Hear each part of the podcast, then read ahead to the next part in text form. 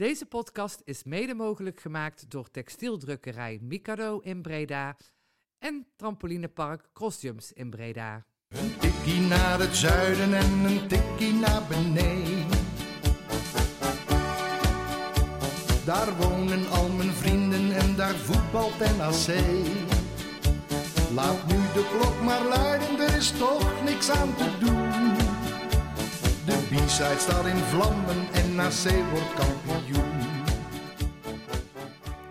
Welkom luisteraars bij een nieuwe aflevering van een Tikkie naar het Zuiden podcast. De podcast van Bizet Reds over NAC, nummertje 57. En dat allemaal op de dag dat het grote nieuws naar buiten kwam. Wat eigenlijk geen verrassing meer was, maar waar iedereen weer heel vrolijk werd in deze toch wel rottijd. En dan zijn dit toch een beetje de lichtpuntjes.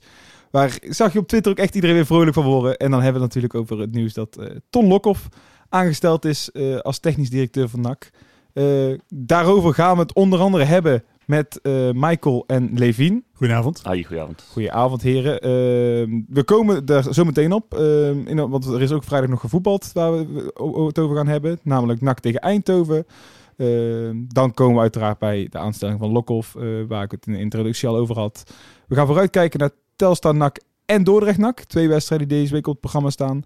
Ehm, misschien als het past binnen de tijd pakken we het stadionnieuws nog een beetje mee. Want eh, Michael heeft Michael heel simpel. Michael, Michael heeft iets uitgezocht. eh, daar houdt hij, al- houden we nog even in spanning. We hopen dat het eh, door- gewoon lekker doen. doorheen te doen. En we eindigen uiteraard weer met een rubriekje ex-NAC. Ehm, maar ja, voordat, eh, wat ik al zei, voordat we de, het echt hele leuke nieuws gaan doen. Ik ga het over het slechte nieuws hebben. Pak het. Het spel Iets- van NAC. Iets minder leuke nieuws, maar eh, uiteindelijk wel gewoon de drie punten dat eh, goed nieuws was. Eh NAC tegen Eindhoven. Ehm, jij zat in de kou. Laten we daarmee beginnen. Want ik heb hier een puntje koud staan. Hoe koud was het? Het was koud. We, het werd wel goed voor ons gezorgd. Want we zaten niet op de gebruikelijke per, eh, plek eh, op de perstribune, maar aan de zijkant onder verwarming. Ik heb wel ja, een twijfel of die verwarming het ook daadwerkelijk deden. Maar goed, ze stonden aan. Eh, dus het werd ons wel makkelijk gemaakt. En de tweede helft heb ik zelfs van half uit binnen gekeken. Dus het was op zich wel prima te doen. Maar goed, daarna heb je dan interviews. Dat is buiten in een hoek van een stadion. En dan sta je 1, 2 minuten buiten te wachten. En dan ben je al echt weer helemaal verkleund. Dus eh, ik heb wat de jumping jacks staan doen. Om in ieder geval nog eh, een soort van fit aan mijn interviews te kunnen beginnen. Maar ik was blij toen ik weer thuis was. Je hebt hem eh, warm voor de buis eh, gekeken, Levien. Ja, ik had Eh, geen medelijden. Of ik had wel medelijden met, met Michael. Ik was blij dat ik het zelf niet was. Maar eh, er wordt, op donderdag werd gezegd, eh Stijn zei van, ja, hopelijk krijg ik het warm van het voetbal van eh, mijn elftal. Ehm, ja, jij zat wel warm voor de buis, maar kreeg je het ook warm van het voetbal? Nee, het was geen goede wedstrijd. Hè. En ik eh, zag heel veel reacties na afloop. eh, mensen die toch best wel teleurgesteld waren. Een aantal mensen ook boos, dat, eh, ondanks het dat je gewonnen had. Ik heb, hem vooral, ik heb vooral gekeken naar het feit dat je drie punten hebt gepakt. Dat was voor mij het belangrijkste. Het waren echt geen ideale omstandigheden om onder te voetballen. En dan, eh, het zijn wedstrijden, die NAC wedstrijden waar NAC va- vaker punten in heeft laten liggen. Dus ik was eigenlijk wel gewoon blij met de drie punten. We refereren heel vaak naar die eerste zes wedstrijden. Was dit zo'n wedstrijd die in dat rijtje past? Ja, dat is wel in de zin van niet per se overtuigend gespeeld. Maar wel de drie punten gepakt. Dus op die manier past hij er wel in. Maar ik heb, niet het, ik heb zelfs het idee dat het toen nog beter was dan nu eigenlijk. Ja, het was stabieler op dat moment. Hè? Het was eh, natuurlijk nu zo. En dat, eh, eh, ja, binnen twee minuten stonden we achter.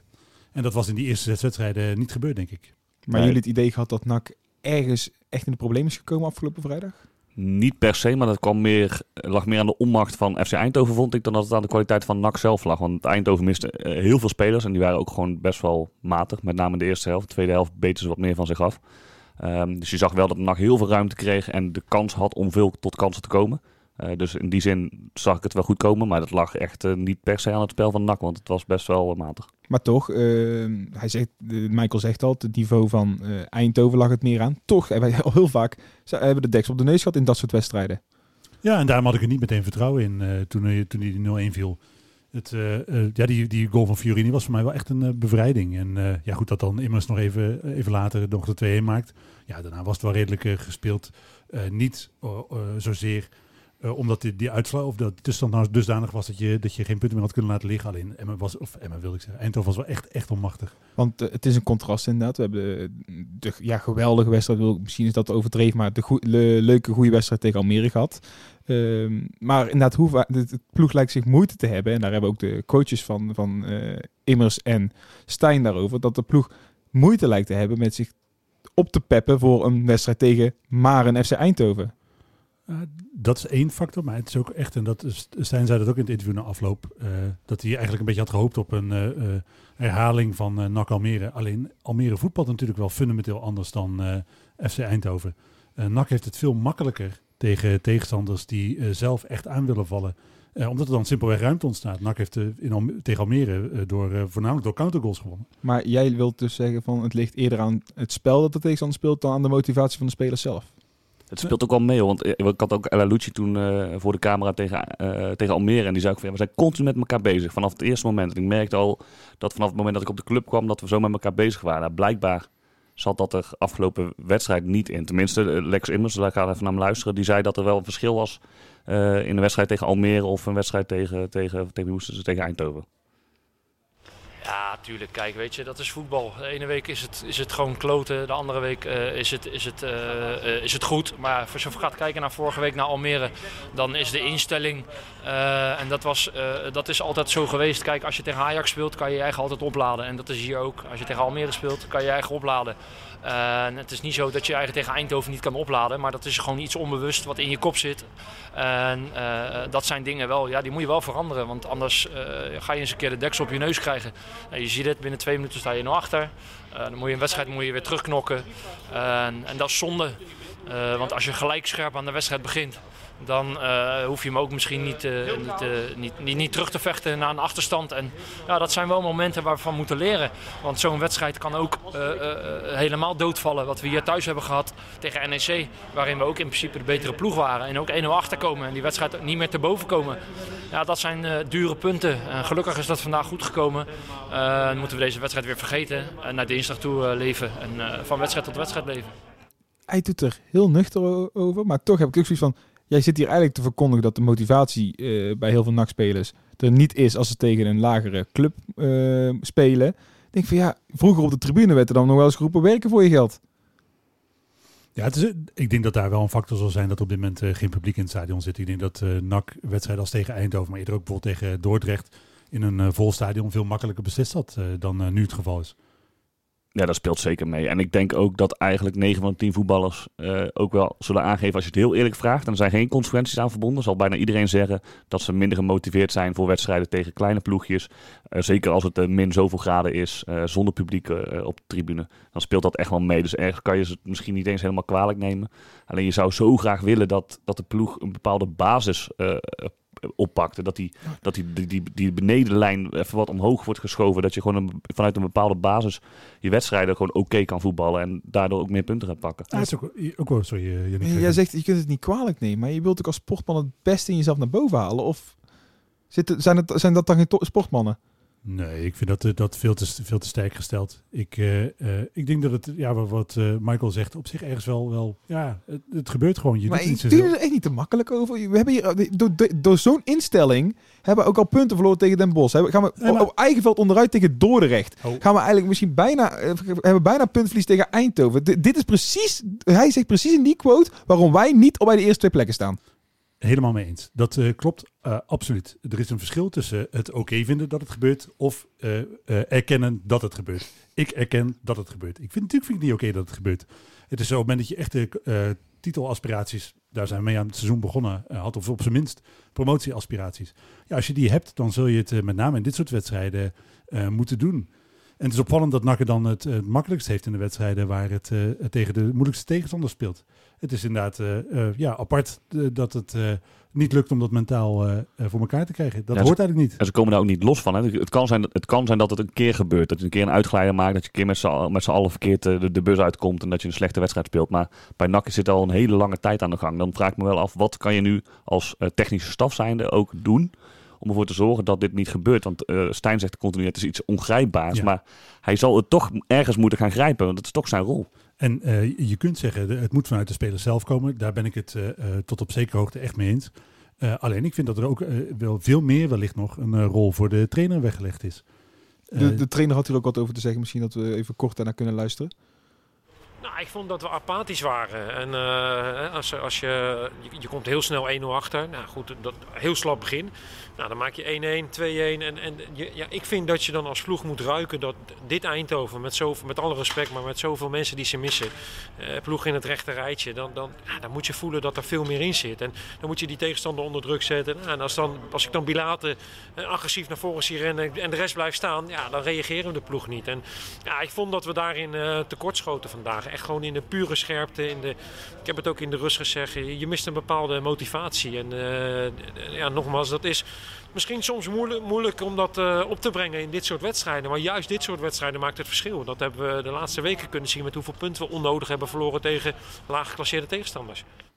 En voor mij ligt daar dus veel meer een rol voor de uh, trainer. Op het moment dat jij week op week op week op week vaststelt dat het met de motivatie van je spelers niet helemaal goed zit, ja, dan moet je er iets mee. Dan moet je ofwel met uh, je opstelling iets, dan wel met hoe je het door de week aanpakt. Dan, dan zet je een paar gasten in die de kans kunnen krijgen in zo'n zulke wedstrijden. Precies, er ja, erop zitten. Je kunt het dan of twee kanten. Je kan, je kan het straffen of je kunt het ook op een andere manier. Je kunt het ook juist helemaal loslaten. Ik, ik, ik zie ook al iets in de, in, in, de tactiek van laat het gewoon eens even los. Het, het moeten presteren. Ga lol trappen met elkaar. Ga, ga kleine onderlinge wedstrijdjes doen. Ga estafettes doen. Uh, om een beetje het winnaarsmentaliteitsstuk uh, naar boven te brengen.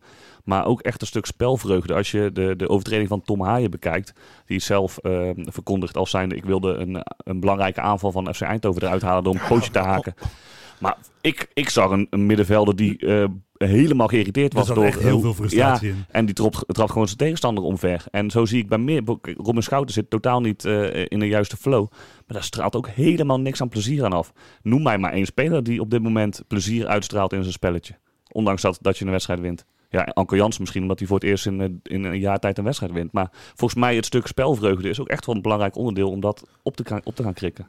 Ja, ja, jij zegt noem, er een, noem iemand op die wel met uh, vreugde op het spel staat. Nou, iemand die er wel een beetje in klumt en echt uh, elk duel wil winnen, was de man of the match uh, volgens onze volgers, Adi Leo. het begint toch een beetje een tropische verrassing te worden.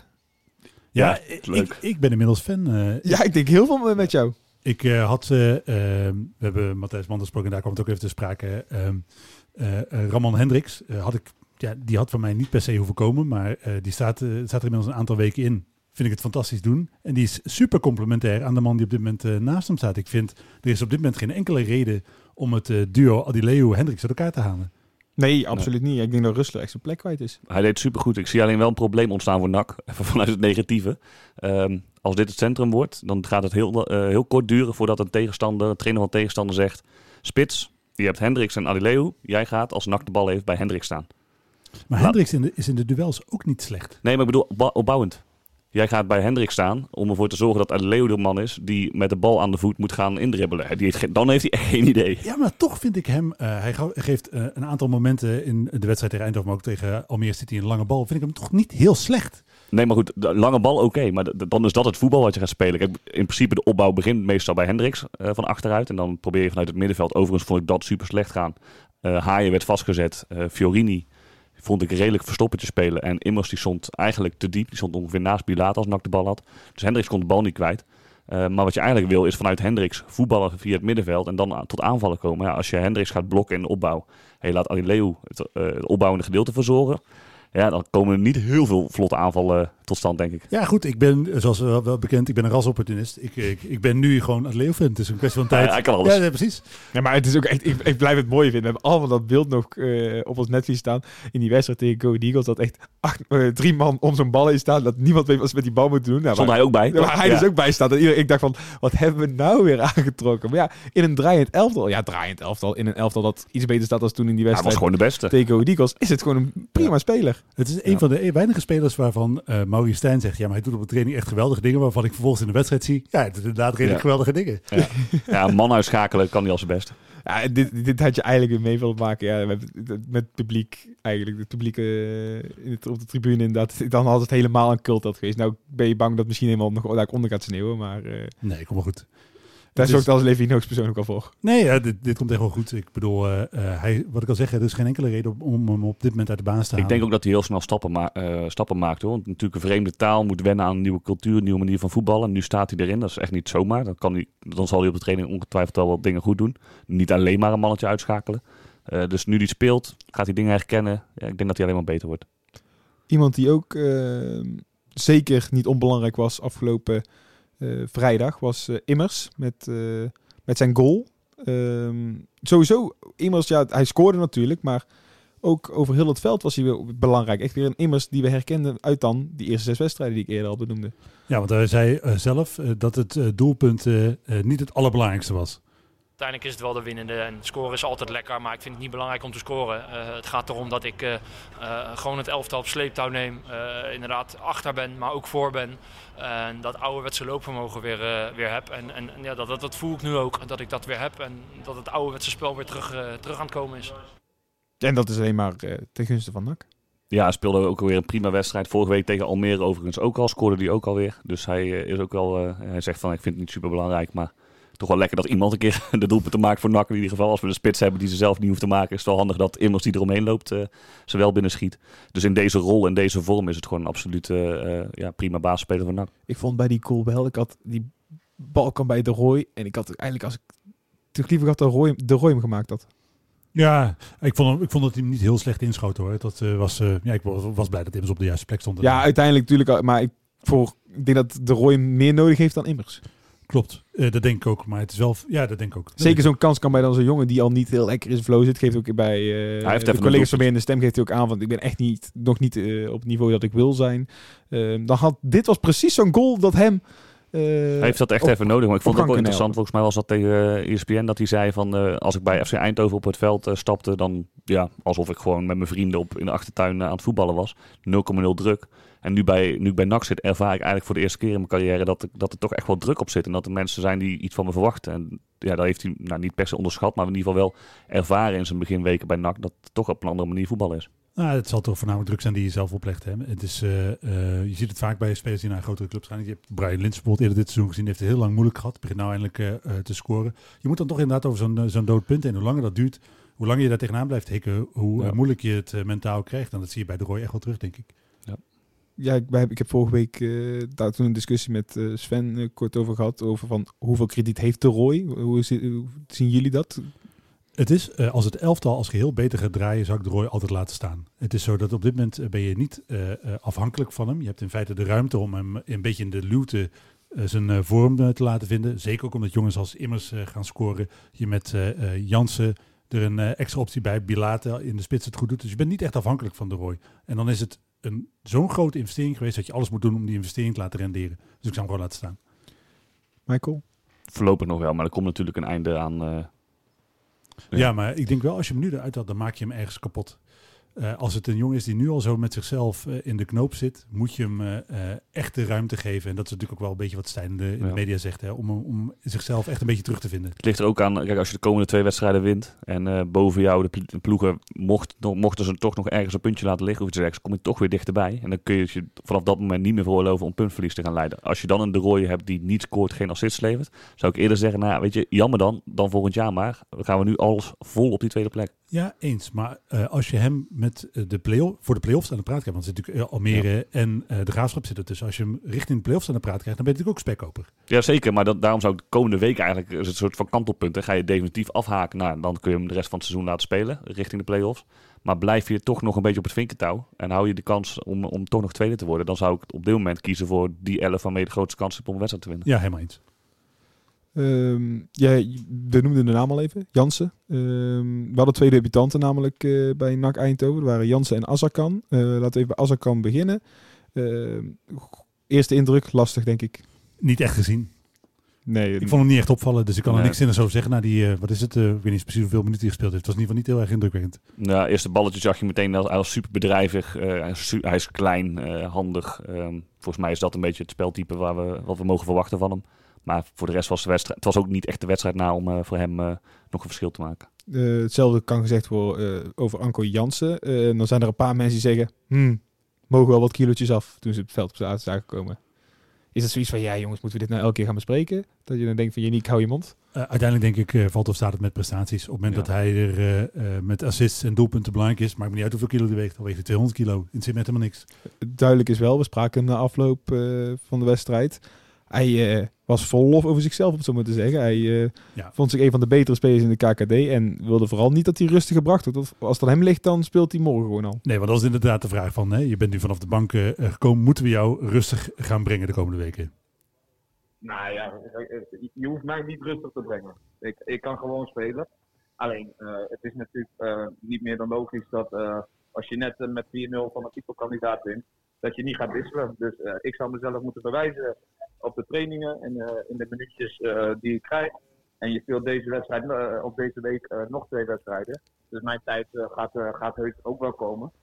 En ja, in voetbal wil ik dan moet je jezelf laten zien. En dat gaan we ook wel doen, dus dat is geen probleem. Maar ben je dan geduldig? Of, want het, klinkt een beetje als je zegt, ja goed, ik zie wel wanneer ik mijn minuten maak, maar ik kan me voorstellen, je bent Nee, niet voor niets in eh, gekomen. Nee, maar wat denk je zelf? Ja, ik wil voetballen. En ik, ik, ik, ik, ik, ik, ik, ik hoor ook eh, tot, eh, tot een van de betere spelers in de, in de, in de keukenkampioen-divisie. Dat is heel simpel. Maar goed, je bent in een team gekomen, je bent net nieuw. Je moet gewoon, je moet gewoon ook wel eh, eh, even de tijd krijgen om, om, om eh, dat... eh, ja, dat, dat is gewoon een... Dat, dat- zo werkt het gewoon. Je kan niet in één keer zeggen van... dat, eh, dat, dat, zo werkt het gewoon. Een van de betere spelers eh, in de KKD. Ik, ik denk dat hij op zich wel gelijk heeft, eh, maar het zegt wel eh, alles over eh, met wat voor state of mind hij in de nak gegaan is. Hij wil gewoon minuten maken. Hij is echt niet gekomen voor de bank. En dat gaat natuurlijk straks voor Maurice Stijn wel een probleem opleveren, want wie ga je er in hemelsnaam uithalen? Daar hadden het vorige week ook al over. Toen werd Fiorini al heel snel gezegd dat dat een makkelijk slachtoffer is. Maar ja, maakt weer een doelpunt afgelopen, afgelopen vrijdag. Heb ik persoonlijk het idee dat hij steeds belangrijker wordt in het elftal. Ehm, Maar toch, als, als ik nu mijn middenveld samen zou stellen, zou ik denk ik Haaien, eh, Immers en Jans als die fit is, Jansen doen. Ik, heb ook, eh, ik ben ook wel Fiorini-fan, maar afgelopen, wat was het, vrijdag? Ja. Eh, maar hij begon heel goed, goede eerste helft. Alleen ik heb hem ook echt wel verstoppertjes zien spelen. Dus hij is vooral goed als, als hij aan de bal is. Of als de bal voor hem is, zeg maar, in de aanval. En hij kan zich daarna met het spel gaan bemoeien. Vanuit opbouw heb je echt helemaal niks aan hem. Nee, oké, ja, dat, dat valt wat voor, voor te zeggen, inderdaad. Eh, de tijd zal het ook leren waar, waar Jans eventueel zijn eh, minuten gaat maken. Ehm, om even langzaam NAC Eindhoven af te gaan sluiten. Ehm, Misschien maar beter ook, hè? Ja. Ja, inderdaad. Nou ja, misschien dat sluit ook weer aan inderdaad waar, waar ik nog wil bespreken. Dat, jij vond de drie punten het belangrijkste, maar moeten wij over de lange termijn zorgen gaan maken voor het spelbeeld? Ja, toch wel. Weet je, het is zo dat ehm, Eindhoven was in die zin een test. En ik denk dat Telstar het misschien nog wel eh, veel meer wordt. Eh, en eh, zeker Dordrecht naam, dat het natuurlijk eerder een wedstrijd is die je verloren hebt. Dit zijn wel de wedstrijden waar NAC moet laten zien dat die titelaspiraties, of in ieder geval nog die promotieaspiraties, eh, meer zijn dan alleen maar eh, woorden. Je moet het in deze wedstrijden echt waarmaken. Ook omdat je richting die play-offs, als het dan onverhoopt niet zo lukt om direct te promoveren, wel een beetje een goed gevoel krijgen. Je moet er wel met vertrouwen eh, naartoe. En daarvoor moet je gewoon dit soort wedstrijden gaan winnen. En eh, Eindhoven was wat dat betreft op zich wel een, een positief teken. Want dit waren eerder wedstrijden waar we punten liet liggen. Nou, die win je dan. Eh, nou, doorzetten. Er komen inderdaad de komende weken nog genoeg wedstrijden aan met ploegen uit het rechter rijtje. Sterker nog, vooral rijtje. Voor mij alleen is Telstar staat de in de komende vier weken op het programma die in de linker rijtje staan. Ehm, ga, ga je dan toch met knikkende knieën die wedstrijd eh, reeks in? Ik ga in ieder geval niet met heel veel vertrouwen die wedstrijd reeks in. Eh, het is echt gewoon, nou ja, laat het maar zien. Morgen is al een mooie testcase. eh Telstar uit is precies zo'n wedstrijd waarin je kan laten zien dat je als ploeg zijn de stappen hebt gezet. Heeft niemand het makkelijk, hè? Nee, want Telstar is gewoon best wel een prima ploeg. Eh, kijk, afgelopen vrijdag heb je nog de omstandigheid gehad. eh, koud, eh, slecht veld. Eh, gelukkig niet zo slecht als bij Vitesse overigens. Maar goed, aanstaande dinsdag speel je op kunstgras. Is het een graad of 7, 8. Eh, je hebt bijna... ehm, je hebt in ieder geval best wel een flinke fitte selectie. Je hebt genoeg te kiezen. Ja, laat het maar zien. Ah, en dat is het. Hè. Je bent nu echt voorbij dat punt dat je nog eh, corona en wat dan ook als eh, excuus kan gebruiken. Je hebt een eh, elftal of een selectie die aan alle kanten uitpalt met goede voetballers. Het moet nou gewoon gebeuren. Als het nu niet gebeurt, eh, ja, dan moeten we toch eens gaan kijken naar eh, wat dieper liggende oorzaken. En dan, Ja. eh, Kun je nagaan als eh Meloon, Rutte, Van Hooijdonk ook allemaal nog fit zijn. dan heb je gewoon de beste selectie in ieder geval van eh, eh, de KKD. En daar moet je gewoon mee winnen. Absoluut. Eh, dat- ja, ook daarin zal de tijd het leren. Ehm, zullen we naar vrolijke nieuws gaan? Want ehm, ik zie in ieder geval bij Michael al een hele grote lach op zijn gezicht komen naar we daar naartoe gaan. Ehm, vandaag werd bekend dat eh, Ton Lokhoff, eh, technisch directeur, eh de directeur van NAC gaat worden per 1 april. Het hing al even in de lucht. We hadden hem al in een heel vroeg stadium in een podcast al een keer als droomkandidaat gekenmerkt. Maar ehm, ja, dus ik denk dat wij, dat wij hier drie vrolijke mannen aan tafel hebben zitten die allemaal blij zijn met de aanstelling van Ton Lokhoff. Ja, het is al jaren mijn droomkandidaat, dus ik ben een heel gelukkig Ik had ook wel verwacht dat jij taart had meegenomen. nee, nee, nee, nee, nee.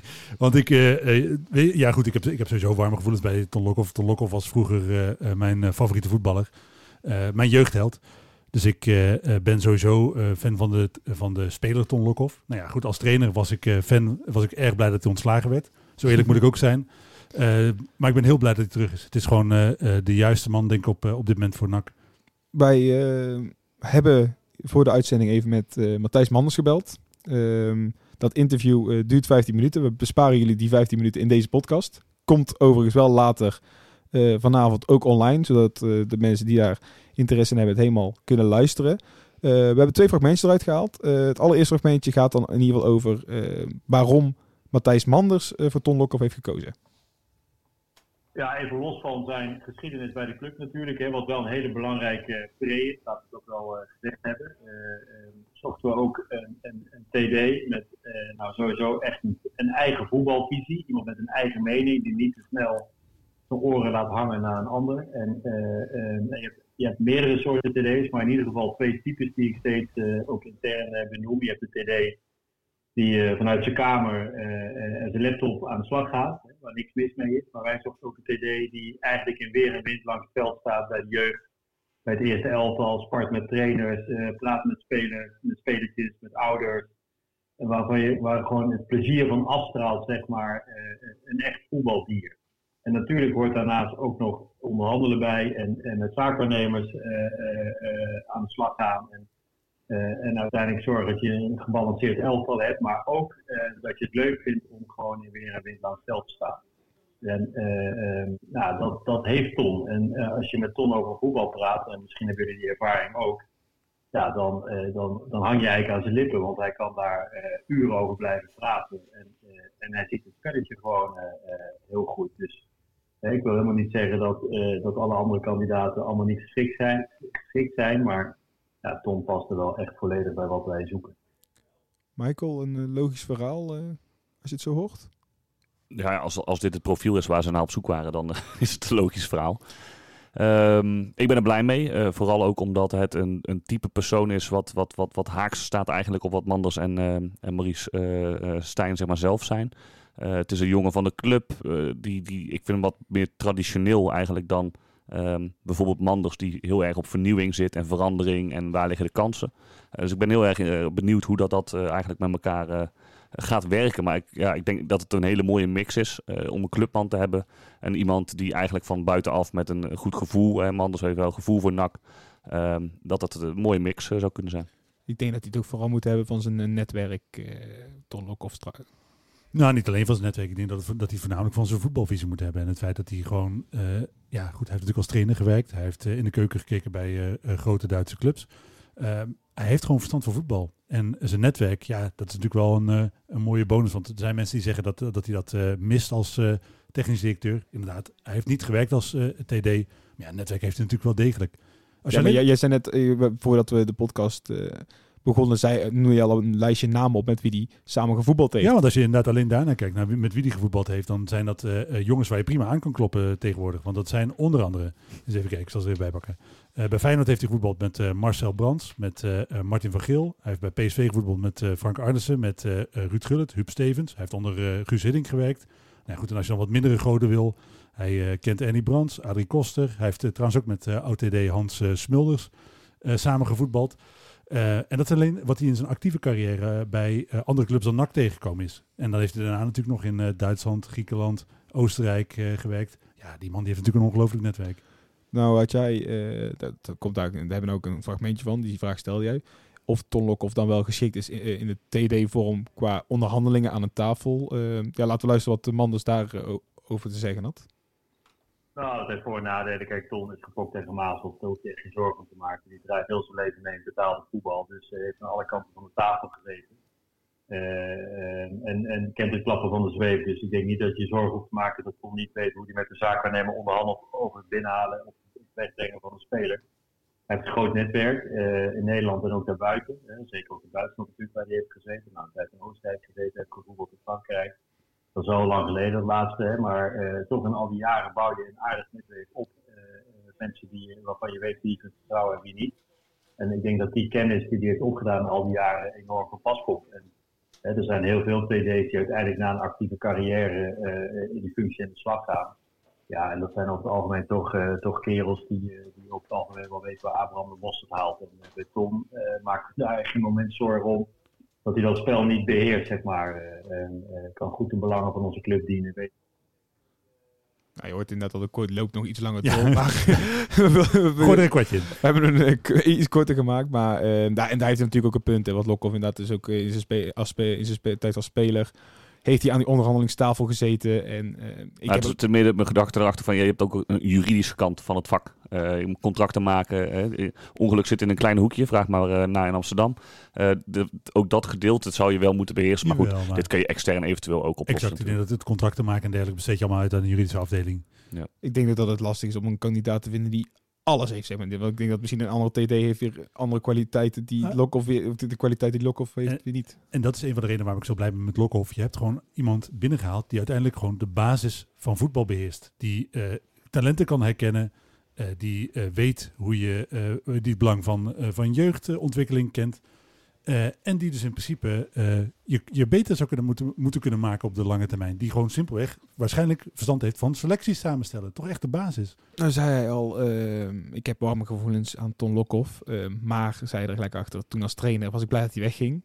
Eh, hoe groot is het afbreukrisico voor een clubicoon? Ik denk dat het inmiddels een heel stuk minder is dan dat het eh, destijds was. Het was natuurlijk zo dat hij destijds eh, aan het eh, begin van zijn carrière als trainer stond. NAC was zijn eerste club als eindverantwoordelijke. Hij heeft daarna ook niet heel veel interessants meer gedaan als hoofdtrainer. Excelsior natuurlijk. En daarna assistent geworden. Maar ja, goed, hij zit inmiddels natuurlijk aan het einde van zijn carrière. Hij is uit mijn hoofd 63. Ehm, hij hoeft in principe niks meer. Hij heeft zijn schaapjes op het droge. Hij eh, gaat uit liefde eh, voor NAC werken. Nou ja, mocht het dan onverhoopt eh, niks worden, dan blijft hij een clubicoon. Hij is, op, is NAC komen helpen op het moment dat de club echt in de shit zat. Laten we zeggen nu. Dit is eh, eh, echt niet het beste moment eh, uit de clubgeschiedenis. En Ja, maar misschien is dat ook wel het ideale, dat het eigenlijk ja, veel Kan slechter, bijna slechter beter. kan het ook weer niet. Nee, nou ja, goed, het is natuurlijk wel lastig. Hè, want op het moment dat je niet promoveert en volgend jaar weer niet promoveert, heb je echt een proble- eh, probleem. Eh, maar in principe is dit een, inderdaad een ideaal moment om in te stappen. En eh, hij doet het uit liefde voor de club. Hij hoeft het niet meer te doen. Eh, er is wat hem, mij betreft geen afbreukrisico. Daarnaast ook door hoe het nu is gegaan. eh Stijn heeft een deel opgepakt van technisch beleid. En Ma- Matthijs Manders heeft zich ermee bemoeid. Nu komt daar Ton Lokhoff bij. Ik heb niet het gevoel, maar misschien is dat bij jullie anders. Maar als er straks twee, drie, vier spelers worden gehaald. Dat dat puur en alleen maar door Ton Lokhoff komt. Ik heb al nu wel het idee dat het een, een samenspraak is. Dat het een geheel is eigenlijk. Wat, wat, wat bedenkt van nee, wie willen we halen? Wat is het beleid? En waar gaan we voor? Ik denk dat het nou vooral het verhaal gaat worden dat eh Stijn aangeeft, ik zoek dat type speler. En dat Ton dan zegt, hé, hey, nou, daar bij eh, Wolfsburg in de jeugd, of weet ik wel waar, waar hij het netwerk heeft. Daar ken ik wel eentje. Ik zal eens even informeren inderdaad. Of ik denk dat eerder dat het zo gaat. Dat hij ook voor talent heeft, dat is zeker. Hij heeft natuurlijk inderdaad zijn ervaring eh, bij eh, Wolfsburg. Maar hij heeft ook in het verleden bij NAC geweest met onder andere David Mendes de Silva. Die hij voor b- praktisch niks oppikte bij eh, Sparta. Eh Aiko Demir, die later Turks International geworden is, die hij heeft eh, laten debuteren. Hij heeft echt wel kijken op wat, er- wat goede voetballers zijn. En dan eh, hoop je inderdaad dat hij straks uit zijn eh, Duitse netwerk wat jongens eh, hierheen haalt. Ja, maar dat inderdaad heb je wel eens bij NAC eh, gemist. Je ziet het inderdaad bij heel veel clubs. eh, als je bijvoorbeeld bij Willem II kijkt, die, die scouten dan ineens, heel- hebben de laatste tijd heel veel gescout uit de tweede Bundesliga of dergelijke, of derde Bundesliga. Joris Matthijs, hè? Ja, precies inderdaad. Je ziet inderdaad bij heel veel clubs, zie je echt, eh, je weet dat Herenveen altijd Scandinavië het scouten. Bij NAC mis je dat eigenlijk altijd. Wij komen in Benin uit. Ja, nee, maar da- daar worden ze echt langs, eh, overal geplukt. Dan heb ik niet het idee dat er nou bij ons een scout eh, heel goed let op Scandinavië of weet ik veel Nee, we waar. hebben natuurlijk een tijdje onder eh, Smulders gefocust op de Belgische markt. Ja, precies, dat wel. Verschuren en Dessers als goede voorbeelden. Maar inderdaad, die, die eigen handtekening hebben wij minder dan andere clubs die hebben. Ja, inderdaad. Dus laten we hopen dat inderdaad Lokhoff... eh ja, in ieder geval, het belangrijkste is dat hij goede spelers had. En waar ze dan vandaan komen, maakt mij niet uit. Inderdaad, al komen ze uit Benin. Ehm M- Lokhoff ehm, is per direct weg bij eh Wolfsburg, wat ik opvallend vond. Aangezien die pas op 1 april ehm, aan de slag gaat bij NAC. Zal die nou de komende anderhalf maand ook al wel een beetje zo meekijken, rondsnuffelen? Ja, ik denk dat hij dat ook echt al wel gedaan heeft door de ook. afgelopen periode. Zoiets is niet, en dat, is, dat zul je terug horen in het interview met Manders, als het contact echt al maandenlang loopt eh, en geleden is gelegd. En vanaf het moment dat het dan een beetje serieus wordt, dan ga je denk ik ook al wel links en rechts kijken van, oh, die jongen die ken ik nog, oh, die jongen ken ik nog.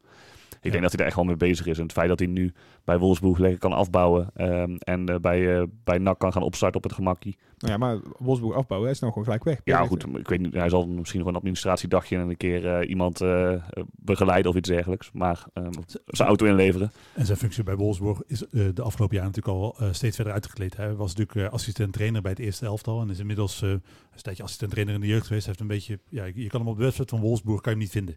En dat zegt veel. Als je en dat toch kreeg hij een uh, tweetje. Zeker. Toch een tweet ja, maar hij heeft natuurlijk lang gewerkt. Maar het is, uh, hij heeft wel een beetje onduidelijke rol bij uh, Wolfsburg gehad. Dus ik denk dat het voor alle partijen wat dat betreft ook een mooie oplossing is dit. Ja. Mooi. Ehm, hij heeft wel genoeg werk te doen.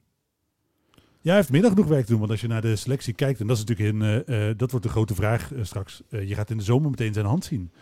Uh, want uh, er lopen, als ik ze tel, uh, 1, 2, 3, 4, 5, 6, 7, 8, 9, 10, 11, 12, 13, 14 uh, contracten af. En daar zitten huurspelers bij. Mm -hmm. Ja, dat is goed. Uh, je hebt natuurlijk wel een selectie van 34 man op dit moment, maar nog steeds een voorstel van je selectie wat afscheid neemt. Nou, kijk, heb je voor het jaar daarna heb je met Lex Immers, Dion Malone en Bilate nog wel wat grote namen. Maar voor de rest is het allemaal wat, wat jeugd die daarna nog vast ligt. Dus hij kan echt, echt wel zijn, zijn ja, de selectie naar zijn hand gaan zetten. Daarnaast uh, zal hij ook uh, Helmonds goed te vriend moeten houden, om zo maar te zeggen. Hij zal de doorstroom van de jeugd uh, ja, weer opnieuw op moeten starten. Ik heb, je hebt het idee dat er stilstaat als je die, al die verhalen een beetje hoort. Hè? En ik denk dat dat het uh, resultaat is van het feit dat Maurice Stijn, iemand die verantwoordelijk is primair voor de, voor de korte termijn, te veel een vinger in de pap gehad heeft bij de samenstelling van de selectie. Want hij heeft alleen maar gekeken naar promoveren nu, dit jaar eigenlijk. Daar zijn alle aankopen op, uh, opgehaald. En daardoor is de jeugd een beetje buiten beeld geraakt. Uh, Mazart speelt dan wel af en toe. Van Hoordunk krijgt soms een minuten Kerstens, maar zal dat niet meer zijn. niet echt. En voor de rest is er eigenlijk nul doorstroming. Nul jongens die een kans krijgen. Azagari volledig buiten de boot gevallen. Dus ik hoop dat Lokhoff daar veel sterker op in gaat zetten. Ook een tegenwicht tegen Stijn gaat worden. Zijn er verder nog volgens jou aandachtspunten waar Lokhoff nog op moet letten en zeker in de gaten moet houden? Aflopende contracten van Ella Lucci, Van Hooijdonk en Jetro Mashart, waarbij er wordt gezegd dat Mashart wel gaat verlengen. Maar dan heb je nog uh, Ella Lucci en Van Hooijdonk. Wat ga je daar als club mee doen? Je kunt overigens, uh, als er nou één persoon is ja. die het contract van uh, City van Hooijdonk kan laten verlengen, dan is het natuurlijk Ton Lokhoff wel. Want die maar hij kan niet het perspectief veranderen. Nou ja, dat is de vraag. Dat is de vraag. Uh, dat is dus echt, wat mij betreft, uh, de vraag. Want op het moment dat uh, Lokhoff besluit als technisch eindverantwoordelijke, we gaan veel meer inzetten op de jeugd. En City van Hoornik is daar een onderdeel van. Stijn, je doet het er maar mee. dan is er wellicht toch perspectief voor een jongen als Van Hooydonk. Maar zie jij dan Maurice Stijn zwichten voor Ton Lokhoff die zegt, hier heb je Van Hooydonk en je zorgt maar dat hij er 20, 25 wedstrijden van het seizoen speelt? Nee, zo, zo uh, hard zal hij natuurlijk de eisen niet stellen. Maar er gaat nu wel iemand komen die veel beter dan de huidige uh, ja, samenstelling van de organisatie een echte sparringpartner is. En ook kritisch inhoudelijk kan reflecteren op de keuzes van Stijn. En ik verwacht dat daar meer ruimte gaat komen voor, voor de jeugd. Ik hoop het wel, het zou mooi zijn. anderzijds is het natuurlijk ook zo dat er niet enorm grote talenten op dit moment rondlopen. Hè. Zo is het ook, als je een hele goede voetballer bent vanuit de jeugd, dan kom je er wel. Um, het zijn er wel wat spelers. Azagari is het beste voorbeeld, denk ik, die als je daar echt in investeert en hem de kans geeft en hem wat minuten laat maken, ook in wedstrijden dat het eventueel mogelijk is, dan kan hij echt wel een groei doormaken. En dat gebeurt nu niet. En in plaats van dat hij minuten krijgt, zijn het andere uh, spelers. Bijvoorbeeld ook een voorbeeld is nu Nick Venema, die je als huurling hebt. Um, die positie, die rol had je ook prima door Kerstens bijvoorbeeld volgens mij in kunnen laten vullen. Hetzelfde type, lekker uh, Renje Rot. Um, ja, weet je, dus het is wel handig dat er iemand komt die, die inderdaad wat de jeugdspelers uh, wat meer de kans geeft. Maar het zit ook in het plan van Manders, hè? Uh, geloof vier. Ja, vijf spelers in de selectie, waarvan drie in de basis is volgens mij Ja. het uh, doel. Nou ja, dat is echt wel iets waar Ton Lokhoff mee aan de gang gaat, hoor. Ehm, daarnaast is het even het, laatste deeltje over Lokhoff. Is het ook gewoon lekker voor Stijn, denk ik, dat hij iemand heeft met wie hij kan sparren. En ook iemand heeft die dan eigenlijk wel ook ervaring heeft als trainer. Absoluut. Het, op meerdere manieren is het uh, fijn voor Stijn. Wat ik al zeg, hè, je hebt dus een inhoudelijk sparringpartner eh, binnen de organisatie die je eigenlijk nu uh, ontbeert. Dat gaat Stijn heel erg helpen. Maar zeker is ook dat de aanstelling van iemand als Ton Lokhoff, veel meer dan de aanstelling van bijvoorbeeld, dat het Jelle Goes geworden was, is het iemand die, is Ton Lokhoff iemand die echt ook druk op dit moment wegneemt bij Stijn. Ik heb als supporter, en ik denk echt niet dat ik de enige daarin ben, wat, wat meer rust op dit moment. Ik denk, oké, okay, we gaan uh, Lokhoff de kans geven. Dat betekent ook dat Stijn op dit moment niet ontslagen hoeft te worden. Um, hij heeft, eh, Manders heeft met het aanstellen van Lokhoff eh, wat tijd voor hem en zijn organisatie gekocht. Ja, en het, eh, dus zoals ik elk blokje op, van deze avond al bijna afsluit, is het de tijd zal het eh, weer leren of het dan... Ja. Is dat je nieuwe bruggetje? ja, ik zat dit het komt weer precies uit. Eh, ehm, hebben we er tijd voor? Ik, ik, durf het bijna, ik durf Michael bijna niet aan te kijken, maar die gaat natuurlijk zeggen dat we er tijd voor hebben. Stadion. Plenty of time. Ja, Eh er was stadionnieuws. Eh, er waren nieuwe afspraken gemaakt tussen de gemeente en NAC, eh, waardoor het contract nu doorliep tot 2035. Ehm, Er zijn wat slimmigheidjes eigenlijk toegepast door NAC, waardoor ze nu financieel gezien er wat beter uitkomen. En als tegenprestatie huren ze het stadion wat langer. Ehm, maar dat botst natuurlijk wel een beetje met het plan wat er eh, ligt om eh, over, geloof ik, tien jaar een, eh, in een nieuw stadion te voetballen. Maar goed, de tijd zal het leren wat dat betreft. Volgens mij is dat echt iets waar, waar ze, waar op, op dat moment naar gaan kijken. Maar dat is natuurlijk wel interessant. Ik vind, ik vind dat Manders op dat vlak, vind ik hem een, een hele geschikte vent om, om NAC verder te brengen.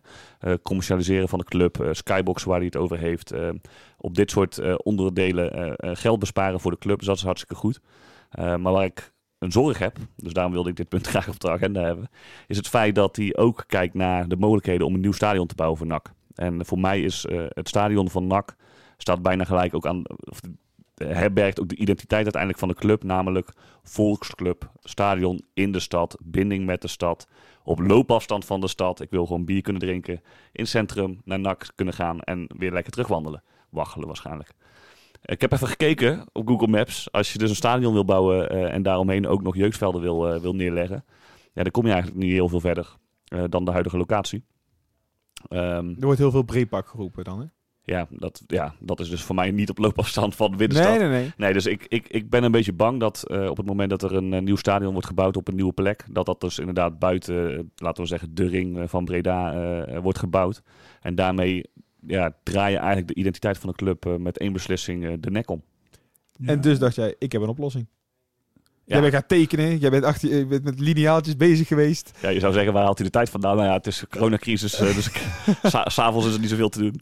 Nee, maar ik heb even gekeken. Ik weet je, de, de plek waar het stadion nu staat, daar is niet iedereen enthousiast over. Maar dat komt, denk ik, ehm, vanwege de uitstraling van het terrein daar. Het straalt niks uit. Levin, jij zei net ook al van dit, dit de stadion waar die nou gebouwd is, dat had toen destijds ook wel wat kritiek eh, dat dat die plek werd. Ja, het was eigenlijk dezelfde kritiek als die Michael eh, nu uit. Dat het, eh, want het was natuurlijk zo, het, oude stadion lag praktisch in het centrum. Dit lag verder buiten het centrum dan het oude stadion. En wat jij zegt, daar wil ik met name op reageren. Die identiteit van de club, ja, die is natuurlijk destijds al de ne- nek omgedraaid met blauwe stoeltjes. en een stadion wat in, in niets lijkt op wat het oude stadion zo aantrekkelijk maakt. Bijvoorbeeld die eh, ongelijkheid Ja. eh, met die hele grote tribune. Het, is, eh, het was destijds natuurlijk, het, het is niet voor niets, het stadion van Fortuna zit, het lijkt er praktisch op. Het was een beetje een eenheidswoord stadion. En ik hoop juist dat... Nee, dat is een mooie kans dan nu. Ja, exact. Dat met een, met een nieuw stadion, dat je juist die identiteit van de club een, eh, een nieuwe impuls geeft. Terugkomend op jouw verhaal, ehm, jij ziet breepak niet zitten, dus moet er een oplossing gevonden worden. En die oplossing zie je maar- op dezelfde plek. Ja, wat ik zeg, eh, de, de locatie aan zich, eh, als je gewoon de map van Breda pakt en je gooit daar een pin op van hey, dit is de plek waar het stadion van NAC staat en dit, hier ligt het centrum, dan zou iedereen zeggen, ah prima, weet je wel, dus, dat is goed te doen. Alleen door de omgeving waar het stadion ligt, wat niets uitstraalt, ja, hebben heel weinig mensen er iets mee.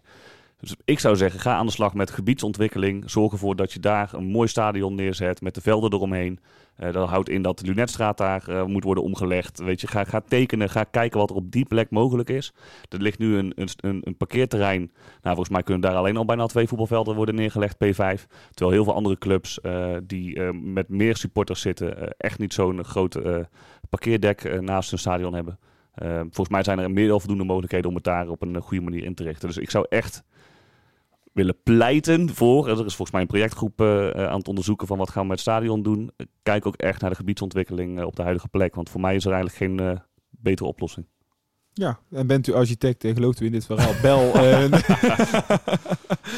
nee, ja, ik, ik sluit me er wel eerlijk bij aan. Eerlijk gezegd bij aan. Ik zeg, persoonlijk zie ik naar Breepak ook niet zitten. En vind ik het bij dit stadion, wat jij zegt, ideaal dat je op loopafstand van de stad zit. Je hebt die Tegen nog- die rauwe volksbuurt tuinzicht, weet je, waardoor je toch een beetje dat karakter hebt. Heerlijk, man. Ja, ik, eh, ik, zeg, ik, ik, vind deze plek eh, echt niet erg. Maar dat, komt, dat is, bij mij is het ook natuurlijk anders, omdat ik de Beatrixstraat helaas niet heb meegemaakt. Ehm, d- Nou, wat Levine zegt wel terecht. Kijk, als je op, op die plek een vette omgeving maakt, waarbij je een, een, een stadion bouwt waar wel de skyboxen hè, voor eh, meneer Manders in zitten, waardoor we er commercieel gez- gezien een hoop uit kunnen halen.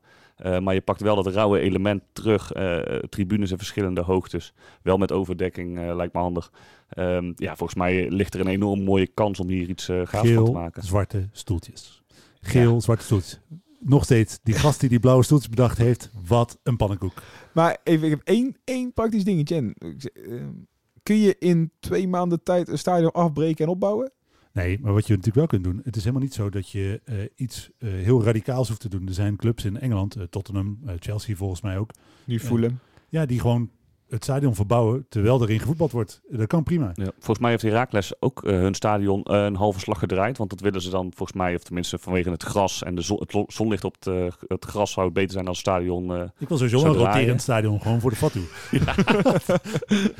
Nee, maar goed, volgens mij heeft wieltjes. volgens mij heeft het stadion gedraaid ook. eh, en dat is in de zomer gebeurd. We hebben er niks van gemerkt. Dus volgens mij kan er wel het een en ander. Oké. eh, Dus wij zijn daar, wat, dat- wat dat betreft, zijn wij Ja, daar. maar ik denk dat we daar wel, op één eh, lijn zitten. Eh, herontwikkeling op de huidige locatie heeft eh, mijn voorkeur eh, boven verhuizen naar Breedpark. En ik denk dat er echt wel mogelijkheden eh, zijn om daar iets moois van te maken. Ik ben daar echt met eh, Michael eens. En wie weet wordt dan het adviesje Telstar NAC wel gespe- ge- gespeeld ook op dezelfde locatie in plaats van Breedpark. Eh, deze is wel heel slecht. Dit is echt Ja. heel waardeloos dit. echt heel slecht. Maar Stop we, maar, doen, we ja, doen even of dat het niet gebeurd is. Probeer het even opnieuw. Ja, beginnen het even opnieuw. Ehm, dat is iets wat de tijd zal leren. Misschien dat ik hem zo Ah, ba, ba, ba, ba, ba. Is het deze? Uiteindelijk is het wel de Nee, Nee, ja. Wel Jammer dit.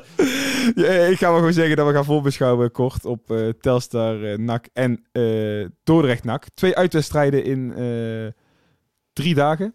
Ehm, ik had wel zoiets van, lekker. Jij hebt de vrijdag van, eh, ja, Telstar NAC wordt dinsdag ingehaald. Dat is niet echt lekker ideale voorbereiding voor, een, eh, voor het elfde van Stijn. Want ja, dat proppen ze er eens binnen twee, drie, oh, ja, over drie dagen moet je voetballen. Ik denk als we Manders plannen allemaal realiseren, spelen we over een paar jaar Champions League. Dan is dit het, eh, moet je aan dit ritme Dan wennen. moet je aan de dinsdag, Ja, op kom. dinsdagavond 9 uur ook aan de bak. Ja. Nee, maar ik kan, ik kan wel... ja, maar voor Telstar is het nog slechter, want die hebben zaterdagmiddag nog gespeeld. Oh, zo, de- de- Ja. En we hebben een selectie waarbij je drie volledige elftallen op kunt stellen. Er zijn echt wel elf fitte spelers te vinden. Oké, dat snap Ja. ik, maar het gaat meer. Ja, Nee, maar ik voorbereiding denk- is- nee, je- maar- je hebt misschien hetzelfde, geld- met hetzelfde Het geld heb jij gezegd van, oh, we spelen voor week vrijdag pas weer tegen die gasten. Inderdaad, eh, jullie mogen zaterdag, zondag vrij zijn. Dat zie je best wel veel bij, eh, bij dat zie je heel vaak bij profclubs. Ik weet dat ze bij RKC bij spreken ook zaterdag, zondag vrij hadden gekregen, terwijl ze op vrijdag speelden. Dat moet je wel, dat schema moet je omgooien. Ja, maar er is laatst ook een wedstrijd uitgevallen. Bedoel, Kreeg ze, ze kregen van de week ijsvrij. Ja, nee, maar het, nee, maar het gaat me niet zozeer om dat die, men, dat die gasten dan geen vrij krijgen. Maar Mel, in je moet echt je schema Ja, omgooien. maar, niet ja, zozeer- ik, ik denk, eh, je hebt eh, vrijdagmiddag gespeeld. Er is eh, echt heel veel voorbereidingstijd richting die wedstrijd die echt dinsdagavond, morgenavond dus pas om 9 uur gespeeld wordt. Er zit vo- ruim voldoende tijd tussen om te herstellen. Eh, en ik denk, eh Maurice Stijn's voetbalidee gaat niet fundamenteel wijzigen in de paar dagen tussen eh NAC Eindhoven en eh Telstar NAC. Je kan gewoon met dezelfde elf, heeft hij ook aangekondigd in het interview wat hij met Michael had. Hij gaat gewoon met dezelfde elf spelen. Ik vind het helemaal niet, ik vind het eigenlijk wel ideaal dat hij zo snel weer speelt. Druk op Almere houden. Ja, nee, dat zeker. En er wordt ook gezegd dat als Almere het straks druk krijgt, dat dat in het voordeel van NAC kan zijn. Alhoewel ik het altijd wel mooi vind dat we eigenlijk de hele tijd over Almere praten, maar de graafschap ook gewoon stilletjes doorgaat met eh, winnen. En we die ook nog even in moeten halen. Ja, maar weet je wat het is? Als je Almere inhaalt, dan heb je de graafschap in principe ook te pakken. Nee, want de graafschap kan Almere ook inhalen. Ja, dat klopt. Alleen de graafschap gaat niet eh, iedere wedstrijd week in week uit winnen. hoor. Ja, NAC wel? Ja, Nee, dat is wel de insteek, hè? Dat is wel de insteek. Ja. Daar Ja. hebben we in principe wel op ingekocht. Ja, dat snap ik, dat snap ik. Want eh, de de vraag die we elke week eigenlijk ook wel terug laten komen, is directe promotie nog altijd reëel met wat je gezien hebt? En Nou ja, ik denk dat wat dat betreft eh, eh, komend weekend wel eh, wat inzicht geeft. Eh, de Graafschap speelt uit bij eh, NEC. En als wij dan zelf onze twee wedstrijden gewonnen hebben, dan ziet de wereld er in principe een stukje anders uit als zij daar verliezen. ja, en daar, daar ga je dan vanuit dat de graafschap daar eh Wel een verliest. lastige wedstrijd denk ik voor de Graafschap. Ja, ik vind de graafschap ook thuis tegen MVV een stukje van gezien. Ik had inderdaad helemaal niks te doen. Ehm, ook niet eh, om over naar huis te schrijven. En zo spelen dat de laatste week al niet eh, heel denderend voetbal. Ik ben ook benieuwd wat die 4-0 eh, voor Almere gedaan heeft. Die hebben best wel een tik eh, opgelopen in Breda natuurlijk. En hoe lange Alleen- tijd tussen daarna? Ja, nou, dat is misschien wel het voordeel. Ehm, alleen, ehm, ik ben nog niet overtuigd van NAC zelf. Eh, ik had gehoopt dat ze wat beter voetbal op de mat zouden leggen. Nou, dan zou ik er echt in geloven. Dus op dit moment geloof ik er nog niet in. En dat komt puur door het spel. We hebben natuurlijk de vorige keer heel erg toegeleefd naar die wedstrijd tegen Almere City. 28 maart, hè? Uh, NAC de Graafschap. NAC de Graafschap. Noteren. Ja. Dat, het- en tot die, voor die tijd heb je eigenlijk Telstar het linker rijtje, voor de rest bijna alleen maar rechter rijtje. Of Ik zal eens even kijken. dan staan voor mij Nee, voor mij het- zit Volendam en Go Ahead kan je ook allemaal nog. hè. Dus- Dordrecht zit er eh, vrijdag bij. ja, Dordrecht. Maar je krijgt een Volendam en Go Ahead krijg je ook nog. En dan, je stapt er allemaal niet te makkelijk overheen. Komende jongens. weken eh, Telstar eh, uit, eh, Dordrecht uit, Top thuis, Jong AZ uit, eh Helmond Sport thuis en eh, dan eh, Volendam uit op eh, 19 maart, al voordat je tegen de Graafschap speelt. Dan vind ik Volendam- 19 maart eerder een eh, even al eentje. Nou ja, tot aan Volendam moet je dus alles winnen. En dan, eh, Ja, Volendam eigenlijk ook. Ja, ja, sowieso. Maar goed, op papier tot aan Volendam zijn dat de teams. Als je mee wil doen, als je Ja, nog moet kampioen wil worden, of tenminste de eerste twee wil eindigen, moet je die, die komende vier potjes winnen. En toch verwacht ik dat Telstar NAC een hele lastige wedstrijd gaat worden. Nou ja, en dat is natuurlijk het gevoel wat wel bij iedereen leeft. Hè. Eh, het is zo dat, eh eh, daarom was ik ook blijer, denk ik, dan veel andere supporters met die overwinning op eh, eh, Eindhoven. Omdat ik dacht, hè, kijk, weet je wel, het is niet zo dat je na een, een high 4-0 tegen Almere City meteen een low met een verliespartij hebt. Eh, maar ja, de, Telstar wordt wat dat betreft inderdaad wel meteen weer de volgende test. Want tegen Eindhoven was het nog zo 14 spelers dat ze inderdaad misten. Eh Telstar is in principe een fitter elftal, een betere elftal. Ja, hier moet je het wel gaan laten zien als je echt aspiraties hebt. Ja, en dan is inderdaad uh, Velzen Zuid uit niet altijd even makkelijk. Uh, ik heb je hem klaarstaan? Ik heb hem uh, klaarstaan. Gooi hem maar in. Denk ik. In één keer goed. In één keer goed. kijk, kijk, kijk, kijk. Hij zit voor de eerste keer. Ja, joh, dat is voor mij ook leuk. hij moet het even allemaal zoeken. Maar uh, ja, heren, morgen Telstar NAC. Uh, ja, je hebt het deuntje gehoord. Dan hoef ik de vraag al niet meer te stellen. Ja, ik, uh, ik ga er toch vanuit dat we uh, een, uh, een piepklein beginnetje van een uh, streak te pakken hebben. Dat we gewoon... Breda's lente was het, hè? Breda's lente inderdaad. Dat is ook een goed moment. De sneeuw is gesmolten. het wordt ook 15, 16 graden Zo, komende week. Dus precies, precies. In t-shirt naar uh, NAC kijken. nee, ik denk dat het morgen 1-2 wordt. Nee, 0-2, 0-2, 0-2. Michael? Ik ga voor 1-1. Oké, okay, Dr. Doom. Nou ja, ik, ik, ik moet ja. nog, hè? Ik denk echt dat we, NAC gaat daar niet winnen. En ik denk, ik, ik denk echt we dat hadden dit beter in de andere volgorde kunnen doen. nee, ik denk 2-1 uh, voor Telstar namelijk. Ik, uh, ik, ja, ik, ik heb niet het vertrouwen gekregen in NAC dat die nou uh, even uit bij Telstar, wat echt, echt een lastige uitwedstrijd is, gaan winnen. Dus, uh, en ja. dat is, is typische tegenstander. Telstar, de naam doet die spelers niks. We het in het begin van de podcast over de motivatie. Terwijl Telstar op papier eigenlijk gewoon het niveau misschien wel uh, nek kan aantippen op bepaalde momenten. Dat staan ook op de ranglijst er gewoon prima voor.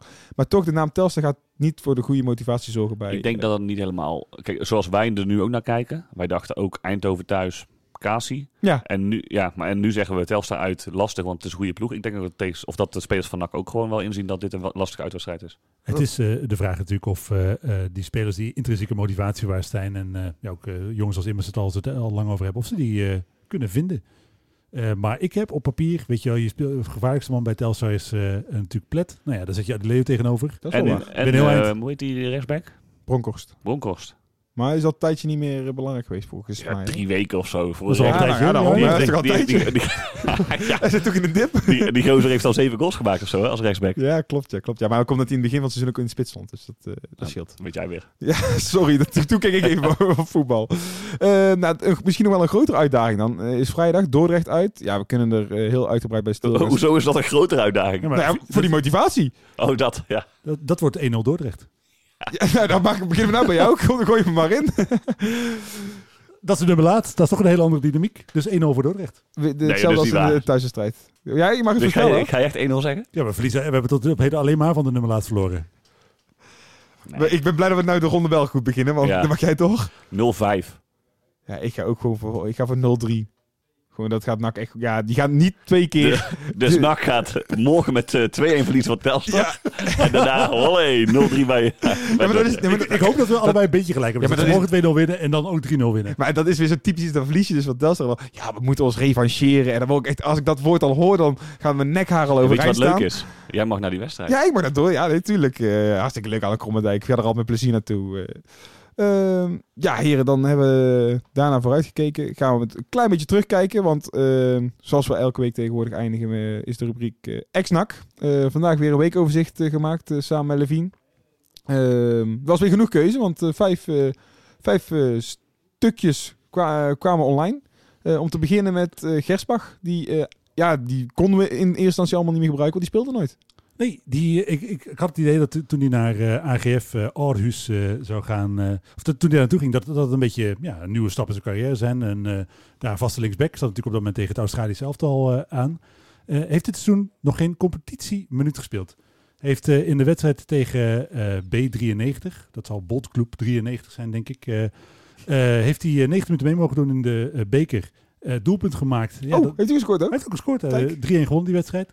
Eh, maar heeft hij heeft dat echt nodig, want hij heeft schijnbaar een uh, supergoeie linksback voor zich en eh, komt totaal niet aan de bak. Ja, ja ik, ik was bij NAC een ik bijzondere, bijzondere carrière van zo'n jongen, toch? Ja, ik hij was komt nou wel in de, het is wel de hoogste deze divisie, geloof ik, hè? Waar die, eh, waar die Ja, hij heeft, heeft hiervoor toch, wat was het, eh, in eh, Noorwegen ook gespeeld? Ja, en hij, hij was Australisch international ook Ja. echt. Toen zat er niet tegenaan, maar hij was het ik, ook ik echt. heb toen hem nooit goed gevonden bij NAC. Nee, maar toch niet zo slecht. Nee, Ja, ik weet niet hoe ik de Deense divisie moet inschatten ten opzichte van... Ja, dat is ook Nederland. Kees Luijks ook in de basis. Oh ja, dan doet hij het wel slecht. Nee, maar ik zou zeggen dat de, de, Eredivisie, de Eredivisie is in principe beter dan de Deense eh, elite-serien. Ja, Eh, toch? Ja, dat denk ik wel. jawel, Zeker. jawel, jawel. ja. En als je dan Australisch International praktisch bent, dan mag je toch verwachten dat je daar in ieder geval af en toe een keer mee mag doen. Ja. Niet geblesseerd? Nee, eh, gewoon helemaal niet gespeeld. Ja, ja, zonde voor die jongen, maar het is ook niet dat ik nou echt dit helemaal jammer vind. Hij is zo typisch Hij een heeft wel een je- gehad. Precies, dat is precies. Wat zei je? Hij heeft het weekoverzicht gehaald bij jullie. Ja, dat is toch wel wat. En dan, maar het is echt ook een voetballer die je over drie jaar weer vergeten bent. Nee, jongen. En dan kunnen we Nee, jij de-. Jij denkt nog van Paula elke dag. Ja, of dan, dan kunnen we in de pubquiz meenemen voor de vergeten nakvoetballers. Ja, bijvoorbeeld inderdaad. Want een eh, andere linksback die we wat minder snel eh, zullen vergeten is eh Angelino. Is na vrijdag definitief speler eh, van Leipzig geworden. Had een Ja. aantal duels gespeeld, waardoor automatisch de optie tot koop gelicht moest worden voor 18 miljoen. Eh, Koop je hoor. Ja, het, eh, ja, een koopje, zo werd het in de Duitse pers ook eh, gezegd. Want, Een kalfje, zoals ze zeggen. een koopje. een koopje. ja, zo werd hij ook genoemd door Lothar Matthäus, die hem zelfs een eh, reizende ster noemde. Dus eh, ja, die zit daar gewoon perfect op zijn plek. Ook het ideaal systeem voor hem. Maar eh, hoe lang gaat hij nog bij Leipzig voetballen? Ik denk in de zomer eh, dat hij eh, naar Spanje gaat. Real dan? Of, eh, Ja, dat zal, denk ik, financieel gezien moet het Real worden. Real heeft Marcelo natuurlijk om linksback. Ja, is klaar, dat is klaar. Dat is daarom. Ik weet niet wie daarachter zit. Reguilon hebben ze verkocht. Ik heb geen idee. Ja, Ik daarom. denk dat heel veel luisteraars dit wel weten. Nu Ja, denken, hoezo ik- weten jullie dit Ja, niet? dat ik ik, denken, ik waarom kijk nooit ik Spaans voetbal. Ik, Ja, ja, ik wel. Maar, en ja, bij Barca heb je Alba. Ik weet niet hoe lang die nog door mee gaat. Ook, Barca ja. heeft natuurlijk geen cent te spenderen. Hè? Nee, dat Nou, is als, en als ik heel eerlijk ben, het maakt me niet uit welke, welke back welke club heeft. Als ik Angelino in mijn selectie heb, dan staat hij er als eerste in hoor.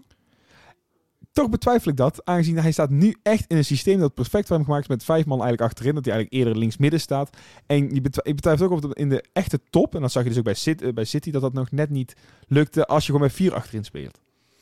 Toch denk ik dat als je in een super dominant elftal speelt, en dat zullen de meeste elftallen zijn die eh, het geld hebben om hem straks eh, eh, te kopen, dat hij toch wel prima tot zijn recht komt.